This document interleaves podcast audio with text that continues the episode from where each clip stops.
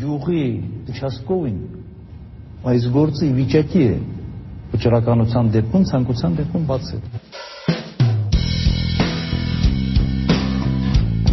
կասկածի ворթը մեզ ներսից ուտելու է վեճ ջանդամը պետությունն է ուտելու կյանքը ցույց կտա թե ով ինչ է արել Արցախի համար եւ ով է իրականում ծախում այն Ձեզ այնքան կծեց են դալաններում, որ դուք կարտագաղթեք։ 13 քաղաքապետ եւ կառավարման 3 համակարգ 33 տարում, այսպես կարելի է բնութագրել այն, ինչ կատարվեց մայրաքաղաքի հետ Հայաստանի երրորդ հանրապետության հռչակումից հետո։ Խորհրդային իշխանության տարիներին Երևանի կառավարման համակարգն, ինչպես եւ ԽՍՀՄ տարածքում ամենուր երկփեղկված տեսք ուներ։ Քաղաքի իրական ղեկավարությունը ոչ այնքան երկախորհրդի գործադիր կոմիտեի, որքան Կոմկուսի Երևանի քաղկոմի ձեռքում էր։ Երևանին վերաբերող սկզբունքային, այդ թվում կադրային որոշումների ճնշող մեծամասնությունը կայացվում էր քաղ Կոմի Բարեմյան պողոտայի վրա գտնվող շենքում, այն շենքում, որտեղ այժմ գտնվում է Սահմանադրական դատարանը։ 88-ին սկիզբ առած Ղարաբաղյան շարժման շնորհիվ, սակայն կուսակցական մարմինների ազդեցությունը Երևանում սկսեց կտրուկ նվազել, ինչը ավտոմատ կերպով մեծացնում էր Երևանի գործկոմի ժամանակակից լեզվով ասած քաղաքապետարանի դերը։ Առաջիններից մեկը դա հասկացավ 1989-ի նոյեմբերին Երևանի քաղխորհրդի գործկոմի նախագահի պաշտոնում նշանակված Արտաշես Գեղամյանը։ Ես եմ։ Երևանի քաղաքագլուխը պետք է սկորիով գնա դիմորը։ Երևանի վերջին կոմունիստ քաղաքապետի ընդամենը 11 ամիս տևած պաշտոնավարման ամենահիշվող դրվագը 1990-ի մայիսի 27-ին էր, երբ երկաթուղային կայարանում, ապա Նուբարաշենի այն ժամանակ դեռ սովետաշենի խճուղու վրա եւ Էրեբունիում հայկական նորաստեղծ ինքնապաշտպանական ջոկատների եւ խորհրդային բանակի միջև տեղի ունեցած բախումների ընթացքում Գեղամյանը փորձում էր միջնորդի դեր ստանձնել։ Նրա այս առաքելությունն այդպես էլ էական իրական որևէ արդյունք չտվեց։ Բախումներն ավարտվեցին 27 աշխարհազորայինների եւ խաղաղ բնակիչների մահով։ Դա սակայն չխանգարեց, որ այդ օրը նկարահանված կադրերը Գեղամյանն օգտագործի արդեն անկախ Հայաստանում կազմակերպված քարոզարշավների ժամանակ։ Այս պահին է, որ Երևանի քաղաքապետը ճեղքելով կրակի գիծը գնաց բանակցելու 7-րդ բանակի հրամանատար գեներալ Սուրկովի հետ։ Այդ քաղաքապետը Արտաշես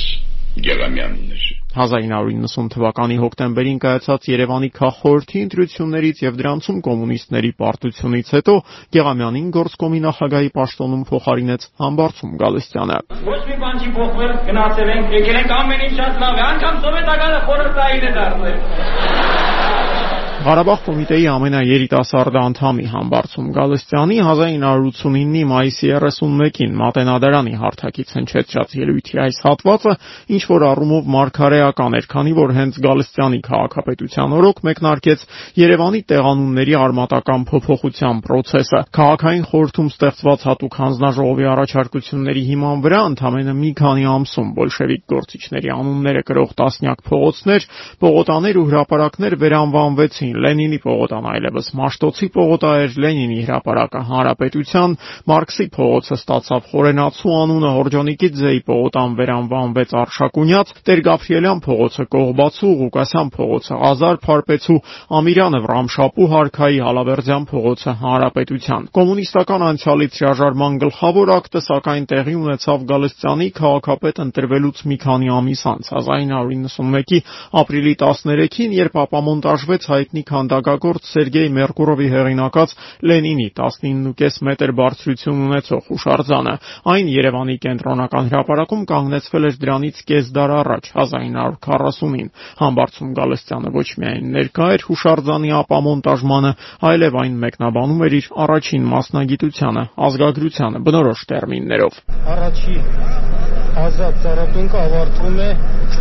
աստորեն այս ծիսական ակտով ծառը տնկում ես մոլախոտը հանում ես Գալստյանի քաղաքապետության շրջանն աչքի ընկավ նաև քաղաքում գործող խանութների սեփականաշնորհման առաջին աճուրդներով, նրա օրոք նաև ի հայտ եկան ծխախոտ, շոկոլադ, կոկա-կոլա եւ ծամոն վաճառող առաջին մասնավոր կետերը, որոնք իրենցից հիմնականում մայթին դրված փոքրիկ սեղանիկներ էին հիշեցնում։ Ու թեև երևանցիներից շատերը բողոքում էին, որ դրանք փչացնում են քաղաքի արտաքին տեսքը, Երևանին արևելյան կոլորիտ հաղորդելով, այդ կետերը հարյուրավոր, եթե ոչ հազարավոր ընտանիքների հնարավորություն տվեցին մեղմել սոցիալիզմից դեպի կապիտալիզմ անցման բացասական հետևանքները։ Համբարձում Գալստյանը պաշտոնավարեց մինչև 1992-ի դեկտեմբերը, երբ քաղխորհրդի մի շարք ընդդիմադիր խմբակցություններ երկարատև պայքարից հետո հասան նրա հրաժարականին։ Պաշտոնանկությունից հետո Գալստյանը սկսեց զբաղվել բիզնեսով, հիմնադրելով Տիեզերք սահմանափակ պատասխանատվությամբ ընկերությունը։ Գալստյանը սպանվեց պաշտոնանկությունից ուղիղ 2 տարի անց 1994-ի դեկտեմբերին իր տան շքամուտքում։ Պաշտոնական վարկածի համաձայն Գալստյանի սպանության հետևում էր Դաշնակցության ներսում գործող դրո գաղտնի կառույցը 1996-ին հերարցակված հարցազրույցներից մեկում պաշտպանության նախարար Վազգեն Սարգսյանը կպնդի, որ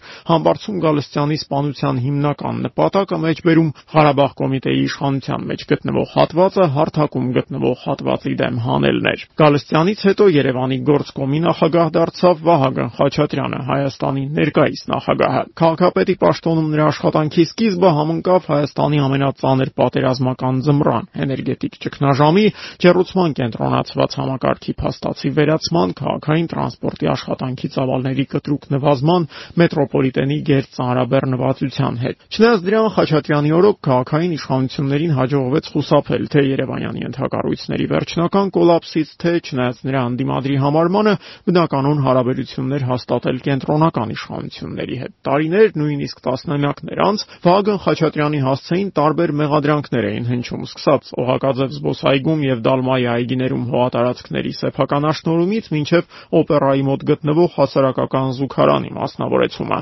Մեղադրողներից մեկը Խոսրով Հարությունյանն էր, որի մեղադրանքներին Վահագն Խաչատրյանն անդրադարձավ քաղաքապետի պաշտոնը լքելուց 17 տարի անց 2013-ին Armnews-ի եթերում իմ ոչ ներ չի եղել ոչ էր այն թիմի, որի հետ ես աշխատել եմ Երևանում, ոչ ծառ կտրել է, ոչ կանաչ տարածքները հատկացներ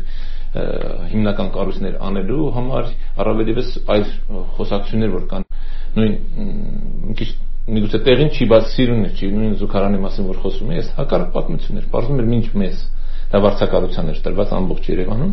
Մենք որ եկանք պետական մի կառույց ստեղծեցինք, մաքուր մաքրություն, ձեռնարկություն, որը մտավ դրա մեջ։ Ուրեմն դա մինչև 96 թվականի փետրվարը համենայն դեպս սեփականաշնորհված չի եղել։ 1996-ի փետրվարին Վահագն Խաչատրյանին քաղաքապետի պաշտոնում փոխարինեց Երևանի թերևս ամենաանհայտ ղեկավարներից մեկը Աշոտ Միրզոյանը։ Նախկինում կրթության, ապա սոցապ փոխնախարարի պաշտոնները զբաղեցրած Միրզոյանի 6 ամիս շարունակված պաշտոնավարումը աչքի ընկավ միայն նրանով, որ նա դարձավ 1995 թվականի հանրակրվեով ընդունված սահմանադրությամբ կարգավիճակը փոխած մայրաքաղաքի առաջին ղեկավարը։ Նոր սահմանադրությամբ Երևանն իր կարգավիճակով հավասարեցվում էր մարզերին, ինչի պատճառով 1996-ի հայկական մամուլը Միրզոյանին հաճախ որպես Երևանի մարզպետ էր ներկայացնում։ Երևանի ամենաանհայտ ղեկավարը քաղաքապետարանի շենքը լքեց 1996-ի նոյեմբերին, իսկ տեղը զիջելով այդ ժամանակաշրջանի ամենահայտնի քաղաքական գործիչներից մեկին՝ Վանո Սիրադեղյանին։ Օրվա ընդդիմադիր մամուլը համոզված էր Սիրադեղյանին Երևանի քաղաքապետ են նշանակում, քանի որ դրանից ընդամենը 2 ամիս առաջ կայացած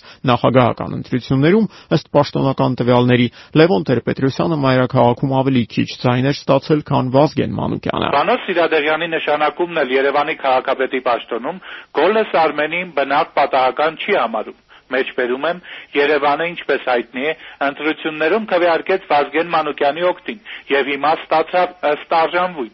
Սիրադեղյանը հիմա ցույց կտա, թե ինչ է, ինչ է, միևնույն ժամանակ լավ հիմք ստեղծելով իր հետագա քաղաքական կարիերայի համար ինչպես ասենք Լուշկովը Մոսկվայում։ Ազատության 1996 թվականի նոյեմբերի 9-ի եթերում մամուլի տեսությունը ներկայացնում էր Վաչե Սարգսյանը։ 1998-ին արդեն ընդդիմադիր գործչի կարգավիճակում տված իր ամենահայտնի հարցազրույցներից մեկում Սիրադեղյանը Խոստովանի ինքը կտրականապես դեմ էր ներքին գործերի նախարարությունից իր տեղափոխմանը քաղաքապետարան եւ նույնիսկ դիմադրում էր դրան։ Նրա համոզմամբ իր հերացումը ներքին գործերի նախարարությունից եւ այդ գերատեսչության միավորումը ազգային անվտանգության նախարարության հետ խախտել էին տարիների ընթացքում ձևավորված ներիշխանական բալանսը։ Համոզված եմ, որ ես եւս երկու տարի անելի կունեմ ներքին գործերի նախարարությունում, բայց նախագահ ասաց, որ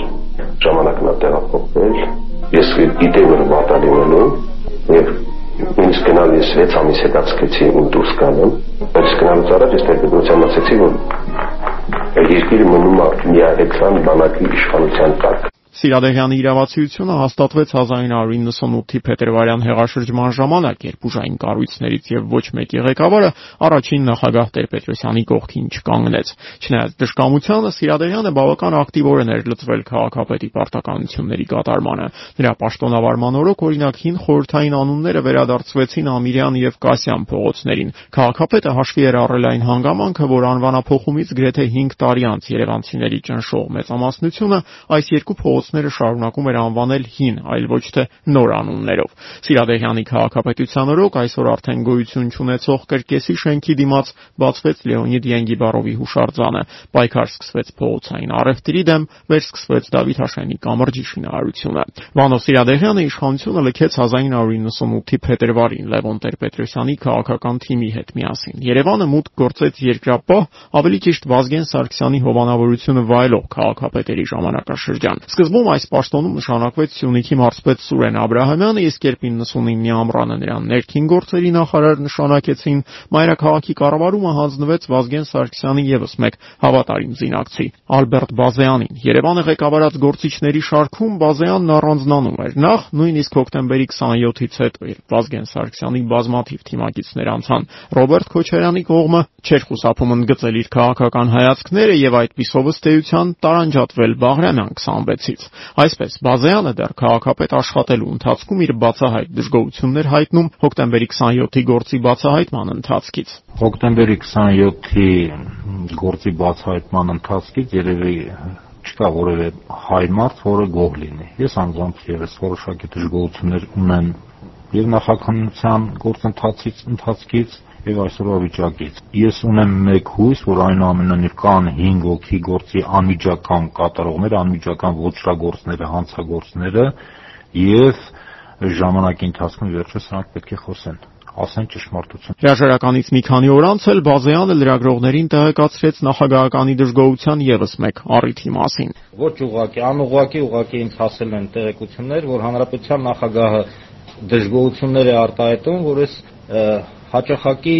ցույցերի, հանրահավաքների, միտինգների թույլտվություն են տալիս։ Այս իրադարձություններից գրեթե 25 տարի անց, սակայն հանրային հիշողության մեջ Բազայանի եւ Քոչարյանի տարաձայնությունները սահմանափակվել են մեկ նախադասությամբ. փողի վրա նստած փող եք ուզում։ Այս խոսքերը Ռոբերտ Քոչարյանը Ալբերտ Բազայանին էր ուղղել 2000 թվականի դեկտեմբերին։ Քաղաքապետարանում կայացած խորհրդակցության ժամանակ մեղադրելով սեփական բյուջե չունեցող Երևանին բյուջեից գումար ուզելու համար։ Նման սրված հարաբերությունների պայմաններում Բազայանի հրաժարականը զուտ ժամանակի խնդիր էր։ Այն տեղի ունեցավ 2001-ի հունվարի 10-ին, երբ Երևանի քաղաքապետը գրեթե լիակատար քաղաքական ու բյուրոկրատական վակուումի մեջ էր։ Անջատված էին անգամ քաղաքապետարանի բոլոր հեռախոսները։ Պաշտոնական պատճառաբանությունը աբոնենտային վարձավճարներն ուշացնելն էր։ Բազեանին քաղաքապետի պաշտոնում փոխարինեց Ռոբերտ Նազարյանը։ 2001 թվականի հունվարի 12-ին Նազարյանին քաղաքապետարանի աշխատակազմին էր ներկայացնում վարչապետ Անդրանիկ Մարգարյանը։ Ճակատագրի հեգնանքն է գուցե, որ հենց Անդրանիկ Մարգարյանն էր իբրև նոր քաղաքապետի ներկայացնում Ռոբերտ Նազարյանին, որին իր վարչապետական առաջին իսկ հրամանագրերից մեկով ազատեց տրանսպորտի եւ կապի նախարարի պաշտոնից։ Պարոն Բազյանի ազատման ինքում ոչ մի քաղաքական շարժառիթ գոյություն չունի, ոչ մի գաղափարական տարաձայնություն նախագահի կառավարության վարչապետի հետ պարոն Բազյանը չունի։ Պետության կայացման ընթացքում Ալբերտի լուման շատ մեծ է։ Ես շնորհակալություն եմ հայտնում Իր այս խոսքից հետո Անդրանիկ Մարգարյանը համբուրեց նախկին քաղաքապետին, որը սակայն ակնհայտորեն ձեռնպահ մնաց արձագանքել նույն ջերմությամբ։ Ազատության 2001 թվականի հունվարի 12-ի եթերում քաղաքապետարանում ծավալվող իրադարձությունների մասին պատմում էր Արմեն Զաքարյանը։ Քաղաքապետարանում տեղի ունեցած այս խորհրդակցության եւս մեկ առանձնահատկությունն այն էր, որ Անդրանիկ Մարգարյանը մի կողմից հայտարարում էր, որ Բազայանի հրաժարականում քաղաքական շարժառիթներ չկան, մյուս կողմից գրեթե բացահայտորեն պնդում էր, որ քաղաքապետի պաշտոնանկության գլխավոր պատճառներից մեկը նրա շրջապատի նախ եւ առաջ քաղաքապետարանի աշխատակազմի ղեկավար Սուրեն Սուրենյանցի ըստ էության ընդդիմադիր դիրքորոշումն է։ Կցանկանանք ոչ մեկը սփորձի մեր հարաբերությունների վրա իր քաղաքական դիրքերը շարի։ Դա կապը վերաբերել պարոն Սուրենյան։ Առաջինն ինչ արեց նորանշանակ քաղաքապետ Ռոբերտ Նազարյանը իր նախորդի թիմակիցներին հստակորեն զգուշացնելն էր։ Նրանք կարող են շարունակել աշխատել այստեղ, եթե հետևեն քաղաքային նոր իշխանության ներկայացրած հիմնական պահանջներին եւ ամենակարևորը հերո մնան այսպես ասած քաղաքական խաղերից։ Նշանակում է որևէ կապ չունի ուսակցական քաղաքական որևէ խնդիրների հետ։ Մենք աշխատելու ենք միասին զերծ մնալով նման խնդիրներից։ Ռոբերտ Նազարյանի այս հայտարարությունները վկայում էին, որ նորանշանակ քաղաքապետը շատ լավ է հասկացել նախագահ Քոչարյանի թիմից եկող գլխավոր ազդակը՝ տեղական իշխանությունը հերո պահել քաղաքական process-ներից եւ որոնել այն փողը, որի վրա նստած է քաղաքապետարանը։ Իսկ այդ փողը այն հողն էր, որի վրա կառուցված էին մայրաքաղաքի կենտրոնական թաղամասերը, հատկապես հանրապետության հրապարակի եւ օպերայի միջև գտնվող տարածքները։ Ռոբերտ Նազարյանի քաղաքապետ նշանակվելուց ընդամենը 1 տարի եւ 2 ամիս անց այստեղ մեկնարկեց անկախության տարիների Երևանյան ամենամեծ եւ ամենավիճահարույց քաղաքաշինական ծրագիրը՝ Հյուսիսային պողոտայի շինարարությունը։ Նախագահ Ռոբերտ Քոչարյանի շրջայցին այսօր ազդարարվեց Երևանի գլխավոր Հյուսիսային պողոտայի կառուցապատման սկիզբը։ Այս առիթով երևանցիներին շնորհավորական, իսկ ներդրողներին շնորհակալական ուղերձն ընթերցելուց հետո քաղաքապետ Նազարյանն այն փոխանցեց նախագահ Քոչարյանին եւ ստորագրությունից հետո անոթում ամփոփված ուղերձն իջեցվեց նոր փորած փոսի մեջ։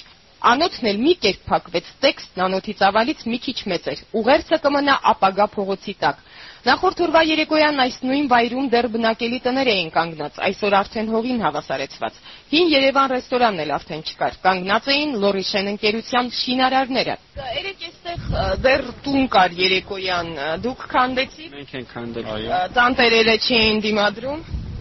Ազատության 2002 թվականի մարտի 26-ի եթերում հին Երևանի թաղամասերի քանդման եւ Հյուսիսային պողոտայի շինարարության մեկնարկի մասին պատմում էր Ռուզան Խաչատրյանը։ 2003-ի ամռանը Ռոբերտ Նազարյանին քաղաքապետի պաշտոնում փոխարինեց Երվանդ Զախարյանը։ Առաջինն ինչ արեց նա քաղաքապետարանի նոր շենքի, ավելի ճիշտ 80-ականներին մեկնարկած եւ 90-ականներին կոնսերվացված շինարարության վերսկսումն էր։ Շենքի կառուցումը ավարտին հասցվեց ռեկորդային արագ ժամանակահատվածում՝ ընդամենը 15 ամսում։ Քաղաք քաղաքապետարանի նոր շենքի բացումը կայացավ 2004-ի նոյեմբերի 26-ին Ռոբերտ Քոչարյանի մասնակցությամբ։ Երևանում պետք է ապրել եւ հարմար եւ հետաքրքիր Լրագրողների հետ նախագահը զրուցում էր Միասնիկյանի հրապարակի վրա քիչ առաջ իր ձեռամբ բացած Երևանի քաղաքապետարանի նոր շենքում, որը 13500 քառակուսի մետր մակերես եւ 47 մետր բարձրության բաշտարակ ունի։ Ու նաեւ բարձրանալուց հետո նախագահն ասաց, որ բավարարված է, հսկայակաղալ աշխատանք է կատարվել։ Մայրաքաղաքը երկրի պետք է ունենա այսպիսի քաղաքապետարանի շենք, սա նաև քաղաքի այսպես կլասն է։ Երևանի քաղաքապետարանի շենքի կառուցման ընթացքում իդեպ կիրառվել էր այն նույն սխեման, որը դրանից առաջ գործել էր կառավարական երկրորդ մասնաշենքի դեպքում, երբ կառուցապատող ընկերությունը պետական գերատեսչությունների համար նոր շենք էր կառուցում, փոխարենը ստանալով ազատվող տարածքները։ Երևանում համառորեն պտտվող լուրերի համաձայն այս գերշահութաբեր գործարքների գլխավոր շահառուի միջազգային բիզնես կենտրոնը ընկերության թիկունքում կանգնած էին նախագահ Քոչարյանն ու նրա մերձավոր շրջապատը։ Միջազգային բիզնես կենտրոն ընկերության մասին, որն ավարտին է հասցրել շինարարությունը, կամուլում հրապարակումներ եւ արտոնյալ վիճակում է, ինչ կարծես։ Չեմ ծանոթ այդ հրապարակումներին, այդ պատճառով չգիտեմ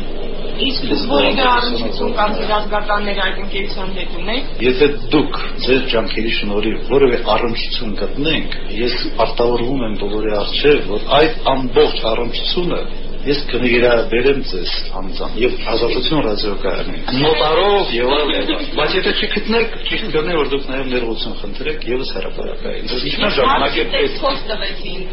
հարցի տեսքով նաեւ գիտեք սադրանքներ են գործում հարցի տեսքով ապուշություններ են կատարում Ռոբերտ Քոչարյանի նախագահության վերջին տարիներն ու Երևան Զախարյանի քաղաքապետության գրեթե ողջ շրջանն աչքի ընկան Երևանի կենտրոնում ծավալված աննախադեպ շինարարական բումով, որի արդյունքում գրեթե անճանաչելի զգալիորեն փոխվեց փոքր կենտրոնի ճարտարապետական դեմքը, իսկ հին Երևանի հազարավոր բնակիչներ փաստորեն անտուն մնացին։ Հյուսիսային պողոտայի պաշտոնական բացումը տեղի ունեցավ 2007-ի աշնանը Քոչարյանի նախագահության ավարտից մոտ 5 ամիս առաջ։ Երվանդ Զախարյանը Քոչարյանից հետո պաշտոնավարեց եւս 1 տարի 2009-ի մարտին իր տեղը զիջելով կենտրոնի թաղապետ Գագիկ Բեգլարյանին, որին լայն հանրությունը ճանաչում էր Չորնի Գագո մականունով։ Բեգլարյանի նշանակմամբ նախագահ Սերժ Սարգսյանը Հայաստանի վարչակազմը պատրաստվում էր 2009-ի մայիսի 31-ին նշանակված Երևանի ավականու ընտրություններին։ Բացի այն, որ դրանք մարտի 1-ից հետո անցկացվող առաջին խոշոր ընտրություններն էին, դրանք նաև Երրորդ հանրապետության պատմության մեջ անցկացվող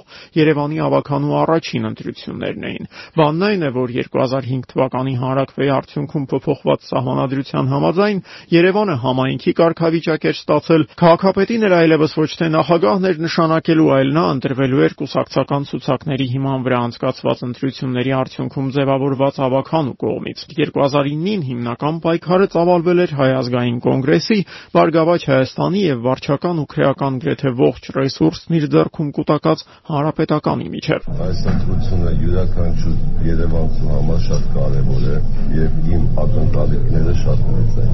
Թող լինեն արդար ազատ ընտրություններ։ Մինչև այս պահի դրությամբ շատ հանգիստ է, ասեմ, ակտիվությունը լավ է։ 2009-ի մայիսի 31-ին այն պահին, երբ Գագիկ Բեգլարյանը քվեարկելուց հետո գոհունակություն էր հայտնում ընտրողների մասնակցության բարձր ցուցանիշի առթիվ, արդեն իսկ խախտումների մասին տասնյակ տեղեկություններ էին շրջանառվում՝ լցոնումներ, ընտրակաշարք, ուղղորդվող քվեարկություն։ Ամենաաղաղակող խախտումներից մեկը սակայն արձանագրվեց Երևանից դուրս, երբ հայտնի դարձավ, որ Գագիկ Բեգլարյանի ղեկավարած ցուցակի օկտին քվեարկելու համար Երևան են ուղևորվում նաև Գյումրիի բնակիչները։ Ժամը 8-ից 9-ի սահմաններում 20 միկրոավտոբուս էր կայանված քաղաքապետարանի մոտ, նաև տասնյակ մարդատար մեքենաներ։ Այդ ընթացքում սկսեցին նաև քաղաքապետարանի աշխատակիցները հավաքվել։ Ողջ գործընթացը համակարգում էր քաղաքապետի տեղակալ Գագիկ Մանուկյանը։ Նրանից էլ հետաքրքրվեցի, թե Կիրակի օրով քաղաքապետարանի ողջ անձնակազմը ինչու է հավաքվել։ Ապատորիակ են գնում։ Այս կան մարդիկ ուր։ Տեսեք։ Երևան են գնում, հա, պարոն Մանուկյան, այսպես եմ իմացել։ Պարոն Մանուկյան։ Եկ, գնացել։ Հավաքվածների հետ էլ զրուցեցի։ Ուր կերտակոր։ Պարլի։ Թոպարլի մենք ով։ Դոմ էքսպրես պարակ մարդ վեստենք։ Ցագի խանութը բդիմադինք ստեղը դյա։ Ուդշկա մուդշկա վերցնեն։ Թոպարլի ցուպերնելու։ Հա բա։ Դեղ ընկի լիճկա։ То լիճկա կետ կա։ Կեդի մեջ է ցուկ կա։ Թազա տերը։ Չէ, սրանցկա։ Ռեք կնում որ։ Խաշդելու։ Խաշ ո՞րն է կարդ պետք ուտենք։ դես կամ ստու։ Պես սպիտակ հագնված բան, հա, տոնական։ Սպիտակ հագնված չի կարելի, հա։ Ժամը 9:30-ին քաղաքի մուտքի մոտ էի։ Ճանապարհային ոստիկանության ուղեկցությամբ միկրոավտոբուսների շարասյունն ուղևորվեց Երևան։ Միկրոավտոբուսների ու մարտատար մեքենաների թվականակով հաշվարկելիս մոտ 500 մարդ տեղափոխվեց։ Ազատության 2009 թվականի մայիսի 31-ի եթերում Երևանյան ընտրություններում գյումրեցիների քվեարկության մասին պատմում էր Սաթենիկ գազմանցյանը։ Պաշտոնական տվյալների համաձայն հանրապետականը 2009-ի մայիսի 31-ի ավականու ընտրություններում 186000 ձայն ստացավ Բարգավաճ Հայաստանի 89000 եւ Հայ ազգային կոնգրեսի 69000 քվեների դիմաց։ Հաջորդ օրը կայացած հանրահավաքի ժամանակ առաջին նախագահ Լևոն Տեր-Պետրոսյանը հայտարարեց, որ իր ղեկավարած դաշինքը ընտրությունների արդյունքները չի ճանաչում։ Կամուրներ այլված ենք համարում եւ հրաժարվում ենք որևէ երկխոսությունից իշխանությունների հետ։ Կոնգրեսի անդամ ցուցակցությունների որոշմամբ Հայ ազգային կոնգրես դաշինքի ցուցակում անդամագրված բոլոր ավականու տեխնատուները հրաժարվում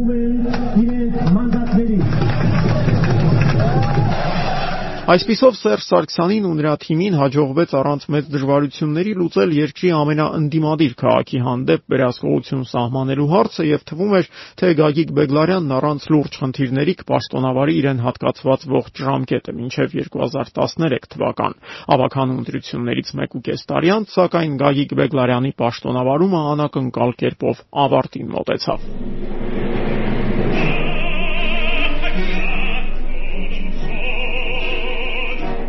Բեգլարյանի չինովնիկական թռիչքը կասեցվեց 2010-ի դեկտեմբերին մարզահամերգային համալիրում։ Իսպանացի օպերային երգիչ Պլասիդո Դոմինգոյի համերգի ժամանակ տեղի ունեցած միջադեպի պատճառով մի քանի օր քար լռություն պահպանելուց հետո Բաղրամյան 26-ում ստիպված էին խոստովանել սոցիալական ցանցերում եւ մամուլում շրջանառվող տեղեկությունները իրականությանը համապատասխանում են։ Հայաստանի նախագահի մամուլի խոսնակ Արմեն Արզումանյանն այսօր Ազատություն ռադիոկանի հետ զրույցում ըստ էության հաստատեց, որ Երևանի քաղաքապետ Գագիկ Բեգլարյանը մի քանի օր առաջ ծեծի է ենթարկել Սերժ Սարգսյանի արարողակարգի բաժնի աշխատակից Արամ Կանդայանին։ Այո, ցավոք միջադեպ տեղի ունեցել, սակայն մամուլը դեպքերի նկարագրության մեջ դրանք չափազանցրել է։ Մասնավորապես չի եղել ոչ առևանգում, ոչ էլ դաժան ծեծ, բայց այդպիսի դեպք իսկապես տեղի ունեցել, ասաց Արմեն Արզումանյանը։ Նշենք, որ այս միջադեպը վերջին օրերին լայնորեն քննարկվում է հատկապես սոցիալական ցանցերում եւ մամուլում։ Ըստ այդմ, դեկտեմբերի 3-ին Կարեն Դեմիրշյանի անվան մարզահամերգային համալիրում իսպանացի օպերային երգիչ Պլասիդո Դոմինգոյի համերգից առաջ Կանդայանը դահլիճում մոտեցել է քաղաքապետ Գագիկ Բեգլայանի կնոջը, ով նստած է եղել նախագահ Սերժ Սարգսյանի համար նախատեսված աթոռի հարևանությամբ եւ նրան խնդրել փոխել տեղը։ Պաշտոնական արարողակարգով Սերժ Սարգսյանի հարևանությամբ կարող են նստել միայն վեհափառը, Հայաստանի վարչապետը եւ ազգային ժողովի նախագահը։ Ըստ սոցիալական ցանցերում շրջանառվող պնդումների հաջորդ օրը Բեգլայանը գնացել է Հայաստանի նախագահի աշխատակազմի ղեկավար Կարեն Կարապետյանի մոտ եւ խնդրել հանդիպում կազմակերպել Կանդայանի հետ։ Կարապետյանը Կանդայանին տեղեկացրել է, որ Բեգլայանը ցանկանում է տեսնել իրեն։ Կանդայանը հանդիպել է Բեգլայանին եւ անակնկալ կերպով դեմքին հարված ստացել հենց մեքենայի մեջ։ Այնուհետև ըստ շրջանառվող տեղեկությունների մեքենան ուղևորվել է Մետաքս կոչվող թաղամաս, որտեղ նախագահի արարողակարգի աշխատակիցը քաղաքապետի կողմից դաժան ծեծի է ենթարկվել։ Ազատության 2010 թվականի դեկտեմբերի 8-ի եթերում Գագիկ Բեգլարյանի շուրջ ծավալվող իրադարձությունների մանրամասները ներկայացնում էր Ռոզաննա Ստեփանյանը։ Նույն օրը երեկոյան հայտնի դարձավ, որ Գագիկ Բեգլարյանը հրաժարական է ներկայացրել։ Հնդիմադիրների համոզմամբ դա տեղի չէր ունենա, եթե քաղաքապետի կողմից ծեծված մարդը շարքային քաղաքացի լիներ եւ կապ չունենար նախագահի աշխատակազմի հետ։ Լևոն Զուրաբյան։ Պետք է հարուցվեր գործ, որի ընթացքում քննվեին բոլոր հանդամանքները եւ արարքին կտրվեր իրավական գնահատական։ Պետք է հասկանալ մի բան, Գագիկ Բեգլարյանը պատժվել է ոչ թե դրա համար, որ նա խայտարակ մի արարք է կատարել հակաօրինական, նա պատժվել է մի պարզ պատճառով, որովհետեւ ապտակ է հասցրել նախագահի աթոռը զբաղեցնող անձի հեղինակությանը։ Մոտ 10 նոր տևած անորոշությունից հետո իշխանությունները հրապարակեցին Երևանի նոր քաղաքապետի անունը։ Այդ պաշտոնը վստահվեց Հայրոս Գազարդ ընկերության գլխավոր տնօրեն Կարեն Կարապետյանին։ Ներս բերել Երևանի քաղաքապետի խորհրդանիշ Լանջաշղթան Լանջաշղթան Կարեն Կարապետյանին հանձնեց Երևանի պատվավոր քաղաքացի ավականո անդամ Մարտին Վարդազարյանը, որից հետո ելույթ ունեցավ հայ առաքելական եկեղեցու Արարատյան հայրապետական թեմի առաջնորդական փոխանորդ Նավասադ arczepiskopos-ը, նշելով, որ քաղաքապետ Կարեն Կարապետյանը միշտ ականջալուր կլինի Արգիշտի արքայի խրոխտ ձայնին։ Դե իսկ նախագահ Սերժ Սարգսյանը ելույթ ունենալով հանդիսավոր նիստում քաղաքապետին հորդորեց արդարացնել բոլորի հույսերը եւ հուսախապ չանել։ Մաղթում եմ, պարոն Կարապետյան Սարգսյան, որ เป զի դու արդարացնես բոլորիս հույսերը եւ հուսախաբ ճանես բոլոր այն մարդկանց, ովքեր որպես կառավարիչ տարբեր բարձր պաշտոններում նախընտրում են հենց ձեր տիպին։ Պարտավորվում եմ պաշտպանել համայնքի իրավունքները, օրինական շահերը եւ սեփականությունը, ուժերիս անմնացորդ նվիրումով սատարել ժողովրդի ավատին, նպաստել նրա նյութական եւ հոգեվոր վերելքին։ Կարապետյանի պաշտոնավարումը երևանցիները հիշեցին նախ եւ առաջ նրա կողմից drive բառի օգտագործմամբ, ինչպես նաեւ քաղաքի կենտրոնական փողոցներում արտաքին գովազդի դեմ ծավալված անհաշտ պայքարով։ Գովազդային վահանակների ապամոնտաժման մասին Ազատության 2011 թվականի հոկտեմբերի 14-ի եթերում պատմում էր Էլինա Չիլինգարյանը։ Անցած գիշեր սկսվեց Մաշտոցի Պողոտայի, Ֆրանսիայի հրապարակի եւ Բաղրամյան 1-2 հասցեներում գտնվող գովազդային մեծ վահանակների ապամոնտաժումը։ Հիշեցնեմ մեզ հետ զրույցում Երևանի քաղաքապետ Կարեն Կարապետյանը նշել էր, որ Մաշտոցի Պողոտայի բոլոր մեծ ու միջին վահանակները կհեռացվեն, որպեսզի Մատենադարանը երևա ամբողջ փողոցի երկայնքով։ Գովազդային այս բիզնեսը պատկանում է 4 տարբեր ընկերությունների, այդ թվում միավորված աշխատանքային կուսակցության նախագահ Գուրգեն Արսենյանին։ Դուք իսկ մեղադրել եք փաստորեն Գուրգեն Արսենյանին, գործարար Գուրգեն Արսենյանին կամ միավորված աշխատանքային կուսակցության նախագահ Գուրգեն Արսենյան, չգիտեմ, տարբեր գնահատական երկակ Երևանի բանկախության բանակի անդամ Գուրգեն Արսենյանին, հանրապետական կուսակցության հիմնադիր անդամներից մեկի, ասենց ասեմ, Գուրգեն Արսենյան, մեղադրել եք անօրինական գործունեությամբ։ Զուգադիպություն էր դա թե ոչ, սակայն Կարեն Կարապետյանի գործունեության հետ կապված այս սկանդալից ուղիղ երկու շաբաթ անց նա հրաժարական ներկայացրեց։ Պաշտոնական վարկածը Գազպրոմի համակարգում նոր աշխատանքի անցնելն էր Երևանում շրջանառվող լուրերի համաձայն, սակայն Կարապետյանը լուրջ խնդիրներ ուներ Սերժ Սարգսյանի եւ նրա թիմի հետ արդեն նախկին քաղաքապետը, սակայն այս պնդումները չէր հաստատում, նշելով, որ իր եւ Սերժ Սարգսյանի քաղաքական թիմի միջև տարբերություններ գոյություն չունեն։ Ես շատ եմ հայտնում հարաբերության նախագահին եւ իրականում իմ կայացման մեջ ինքը ֆանտաստիկ մեծ դեր ունեցել եւ ես փորձել եմ մատուցել այն որ այս պաշտոնից դուրս գալու վերջին շրջանից դուրս գալ Կարեն Կարապետյանը նաև հերքեց այն տեղեկությունները, թե իր գործնեության ընթացքում որոշակի խնդիրներ է ունեցել նախագահի աշխատակազմի հետ։ Ուղղակի ափսոս, ես նախագահական թիմի հետ շատ լավ ընկերական հարաբերություններ ունեի։ Կարեն Կարապետյանի հրաժարականից ավելի քան 2 շաբաթ անց քաղաքապետի պաշտոնը ստանձնեց նրա տեղակալներից մեկը 33-ամյա Տարոն Մարգարյանը։ Նախկին վարչապետ Անդրանիկ Մարգարյանի որդու գոյության մասին հայաստանյան հանրությունը չէր կասկածում մինչև 2005-ի մայիս ամիսը, երբ նա միակ տեխնատուն հանդիսանալով համոզիչ հաղթանակ տարավ Ավանի թաղապետի ընտրություններում։ 27 տարեկանում համայնքապետ, 33-ում էլ քաղաքապետ դարձած Տարոն Մարգարյանին դժվար էր հրաապարական քաղաքական գործիչ անվանել անգամ իր բավական սակավախոս հոր համեմատությամբ։ Միակ դեպքը, երբ Մարգարյանն իրոք հայտնվեց լայն հնչեղություն ստացած պատմության կիզակետում Մաշտոցի պուրակում կրպակների տեղադրման փորձն էր։ 2012-ի ձմռանն ու վաղ գարնանը քաղաքապետարանի եւ ակտիվիստների միջև ծավալված այս վեճը ի վերջո հանգուցալուծեց Սերժ Սարգսյանը քաղաքային բանահյուսությանը ապարգևելով Տարոն ջան սիրուն չի ֆրազան։ Չի կարելի անօրինականությամբ օրինականություն հաստատել, չէ՞։ Եվ չի կարելի անօրինական գործողություններով հարմարավետություն ստեղծել։ Ամեն ինչ շատ ճիշտ է սա։ Բայց Տարոն ջան, բայց նայում եք այդքան էլ գեղեցիկ չի։ Չէ՞, այո։ Զուտ որպես բյուրոկրատ, սակայն Մարգարյանն իրեն բավական հաջող էր դրսևորում, հատկապես կենտրոնական իշխանությունների տեսանկյունից։ Իր գրեթե 7 տարի շարունակված պաշտոնավարման ընթացքում անցկացրած բոլոր համապետական ընտրությունների, ինչպես նաև Սերժ Սարգսյանի համար ճակատագրական նշանակություն ունեցող 2015-ի սահմանադրական հանրակրվեի ժամանակ Մարգարյանին ու իր թիմին մշտապես հաջողվում էր ավանդական մեթոդների կիրառմամբ անհրաժեշտ արդյունքն ապահովել։ Քաղաքապետի պաշտոնում Տարոն Մարգարյանն առաջադրվեց երկու անգամ 2013-ին եւ 2017-ին, երկու անգամ էլ առանց լուրջ դժվարությունների հաջողության հասնելով իր մրցակիցների հանդեպ։ 2013-ին Տարոն Մարգարյանի եւ հանրապետականների գլխավոր հակառակորդը Ռաֆի Հովանիսյանն ու նրա բարև Երևան դաշինքն էին։ Այդ 5 հոգին է, թե 50000-ն է, թե 500 000-ը, թե 5 միլիոնը, որ ուզում են նոր Երևան, թե նոր Հայաստան, նոր Իջևան, թե Նոյեմբերյան, Ղապան, Էջմիածին, Գյումրի, Վանաձոր, Աբովյան, Երտնաձոր, Նոր Հաջն, որոնք հաղթանակ են դվել փետրվար 18-ին, բայկարը մեկն է թեև նախկին արտգործնախարարի ղեկավարած ուժին հաջողվեց ավականիում 6 հոկանոց խմբակցություն ձևավորել, այս արդյունքը ժառանգության առաջնորդի համար այլ կերպ քան ցախողում հնարավոր չէր բնութագրել, չէ որ դրանից ընդամենը 2.5 ամիս առաջ կայացած նախագահական ընտրություններում Հովանիսյանը միայն Երևանում 180 հազարից ավելի քվեեր ստացել, ընդամենը 11 շաբաթում, սակայն մայրաքաղաքում նրա քվեները նվազեցին շուրջ 4 անգամ, հասնելով 35 հազարի։ Դրա գլխավոր պատճառն ըստ ամենայնի Ռաֆի Հովանիսյանի Սարգսյանի հակասական հետընտրական պահվածքներ, նստացույցն ու հացադուլը, հանդիպումը Սերժ Սարգսյանի հետ ապրիլի 9-ի ցույցի մասնակիցների ճնշման տակ դեպի Բաղրամյան պողոտա համապատրաստից կազմակերպված երթը եւ հատկապես դրա վերջին դրվագը՝ աղոթքը ոստիկանապետ Վլադիմիր Գասպարյանի հետ։ է այժմ եւ միշտ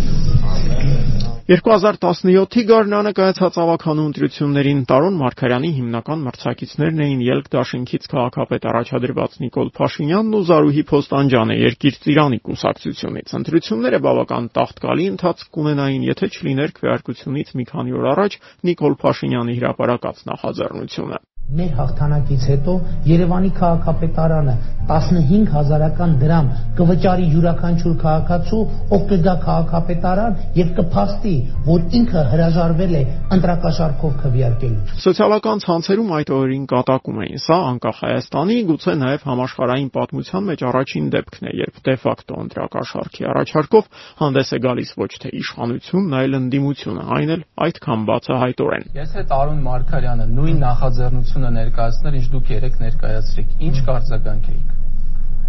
Ետ քաղաքականության մեջ եթեներով չեն խոսում։ Թող տարոն Մարկարյանը ներկայացնի իր նախաձեռնությունը եւ մենք կարձագանքենք։ Պարոն Փաշինյան, դուք երեք առաջարկ եք արել, որը եթեի վրա է հիմնված։ Դուք ասում եք, եթե մենք հաղթենք, գումար կտանք։ Ես ասում, եթե Տարոն Մարկարյանը առաջարկ եթե ինչ։ Ինչ տարբերություն։ Ես ասում, եթե Տարոն Մարկարյանը ներկայացներ, արդյոք ողջունեիք։ Հիմա որովհետև եզրափակիչ շփաթն է, որ եւ մեր բոլոր հաշվարկները եւ հարցումները ցույց են տալիս, որ մենք մեր չհաղթելու համար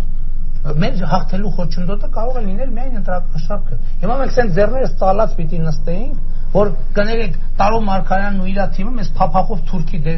տեղ դներ, ասել հա գնացեք բան, տանիքներ բարձացեք, ասեք գոռացեք, ժողովուրդը թող ձեզ գրկի, համբուրի, պաչի, ասի ցավները տանեն, վերջում մենք փողը կբաժանենք եւ ընտրությունները կհաղթենք։ Հա, էսա ձեր առաջարկը Հայազգային կոնգրեսից Լևոն Զուրակյանը այսօր չնայած չէր ուզում անդրադառնալ ձեր առաջարկին, բայց ես չեմ ուզում անդրադառնալ Լևոն Զուրակյանին։ Ամեն դեպքում ասում է իշխանության դեմ իր մեթոդներով պետք չէ պայքարել, պարոն Փաշինյան։ Ես Լևոն Զուրակյանի հայտնի Այդ հարցը ես եմ տալիս, արդյոք պետք է իշխանության դեմ իր մեթոդներով պայքարել։ Իշխանության դեմ սա մեր մեթոդն է, իր մեթոդը չի։ Ազատության 2017 թվականի մայիսի 10-ի եթերում Նիկոլ Փաշինյանի հետ զրուցում էր Արտակ Համբարձումյանը։ Երևանցիները սակայն այդպես էլ չիմացան, արդյոք Նիկոլ Փաշինյանն իրոք իր քաղաքապետ ընտրվելու դեպքում պատրաստվում էր 15000-ական դրամ բաժանել այն բոլոր մարդկանց, որոնք կպնդեին, որ հրաժարվել են Տարոն Մարկարյանի ու նրա թիմի առաջարկած ընտրակաշառքից։ 2017 թվականի ավականու ընտրություններում Փաշինյանի ղեկավարած ելքը 70000 քվե ստացավ Տարոն Մարկարյանի 240000-ի դիմաց։ Մեկ տարի չանցած, սակայն Հայաստանում ներքաղաքական իրավիճակն արմատապես փոխվեց 2018-ի ապրիլյան իրադարձությունների հետևանքով հանրապետականները իշխանությունից հեռացան եւ հեղափոխությունից մի քանի ամիս անց Երևանում ավականու արտահերտ ընտրություններ կայացան։ Դրանց ընթացքում Փաշինյանին աջակցող Իմքայելը Դաշինքը քաղաքապետի պաշտոնում առաջադրեց դերասան Հայկ Մարությանին, իսկ նա քարոզ արշավի ընթացքում հնչեցրեց հետհեղափոխական Հայաստանի ամենավիճահարույց եւ մինչ օրս այդպես էլ մոռացության չմատնված արտահայտություններից մեկը։ Այսօր իրավիճակը Հայաստանում շատ պարզ է, շատ։ Կան սպիտակ ուժեր եւ կան սև ուժեր։ Վերջ։ Այո, մենք սպիտակ ուժերն ենք, իսկ բոլոր նրանք, ովքեր չեն ուզում, որ մենք հաջողություն ունենանք, Ես կարող եմ ասել, որ սև ուժերն Մարությանի համար հստակ բաժանումը սևին եւ սպիտակին ավարտվեց 2020-ի պատերազմից հետո, երբ նա խզեց բոլոր կապերն իշխող թիմի հետ, ըստ էության քաղաքացիական պայմանագրի համար սև դառնալով։ 2021-ին Երևանի ավականին Մարությանին անվստահություն հայտնեց եւ մայրաքաղաքը մտավ քաղաքապետի միմյանց փոխարինող եւ չհիշվող տեղապահների շրջան, մի ժամանակաշրջան, երբ բոլոր երևանցիներն էլ շատ լավ հասկանում էին, թե հատկապես որ փոխքաղաքապետն է, որ իրականում ղեկավարում է Երևանը։ Ես արդեն որևէ չափակն այս փոսերի մասին խոսում եմ, հարգելի գործընկերներ։ Երորդ, չորրորդ, ինչքան ասեմ փոսեր։ Փոսեր, փոսեր, փոսեր։ Մետրո պետք է կառուցենք Աջափնյակի, միամիսա փոս չենք կարող լցնել քաղաքում։ Գյուղի Չասկովին այս գործը ի վիճակի է վճռականության դեպքում, ցանկության դեպքում բացել։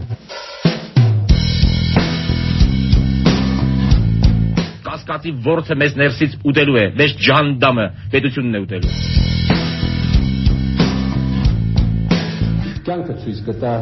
թե ով ինչ է արել Արցախի համար եւ ով է իրականում ծախում այն։